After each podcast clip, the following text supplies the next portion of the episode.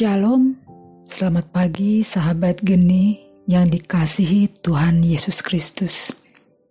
Saya Balinda dari PDPKK Santo Silvester Pecatu. Pagi ini kita mau mendengarkan firman Tuhan yang diambil dari Injil Markus 4 ayat 21 sampai 25. Perumpamaan tentang pelita dan tentang ukuran.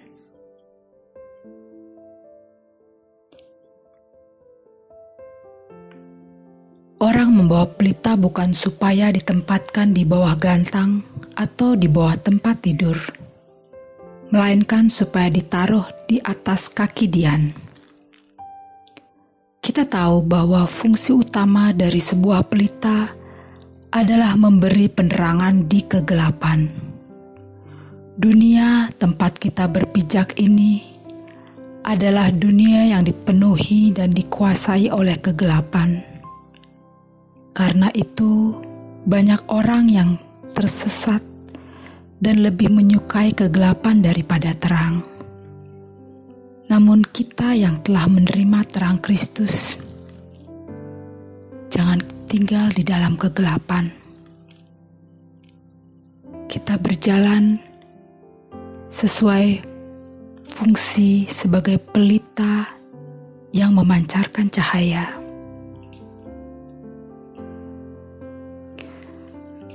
Banyak mata yang melihat kita, karena itu sudah sepatutnya kita lebih sungguh memperhatikan kehidupan yang kita jalanin.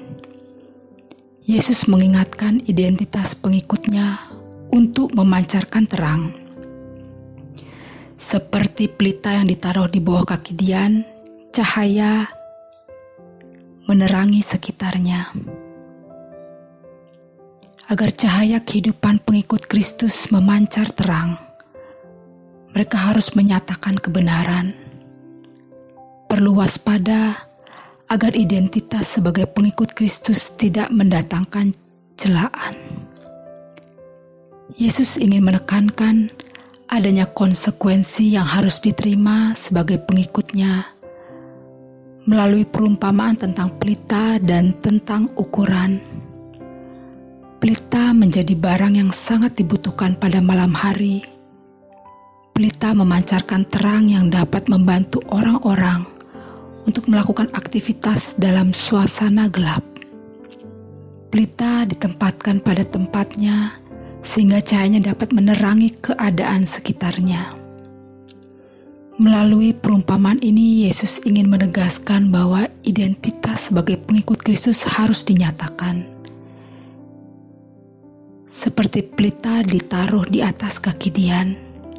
Demikian pula halnya dengan setiap orang percaya. Jalanilah kehidupan seperti yang seharusnya. Pengikut Kristus harus menyatakan kekristenannya dalam kehidupan sehingga orang lain bisa memahami identitas kita sebagai pengikut Kristus. Orang lain perlu melihat perbedaan yang lebih baik terhadap pengikut Kristus jika dibandingkan dengan orang yang bukan pengikut Kristus. Marilah kita mohon pengampunan kepada Allah jika kehidupan yang kita jalanin tidak memancarkan terang kemuliaan Allah. Setelah memahami identitas sebagai pengikut Kristus, kita harus bertekad untuk menyatakan kebenaran dan kehendak Allah. Tuhan Yesus memberkati kita semua. Amin.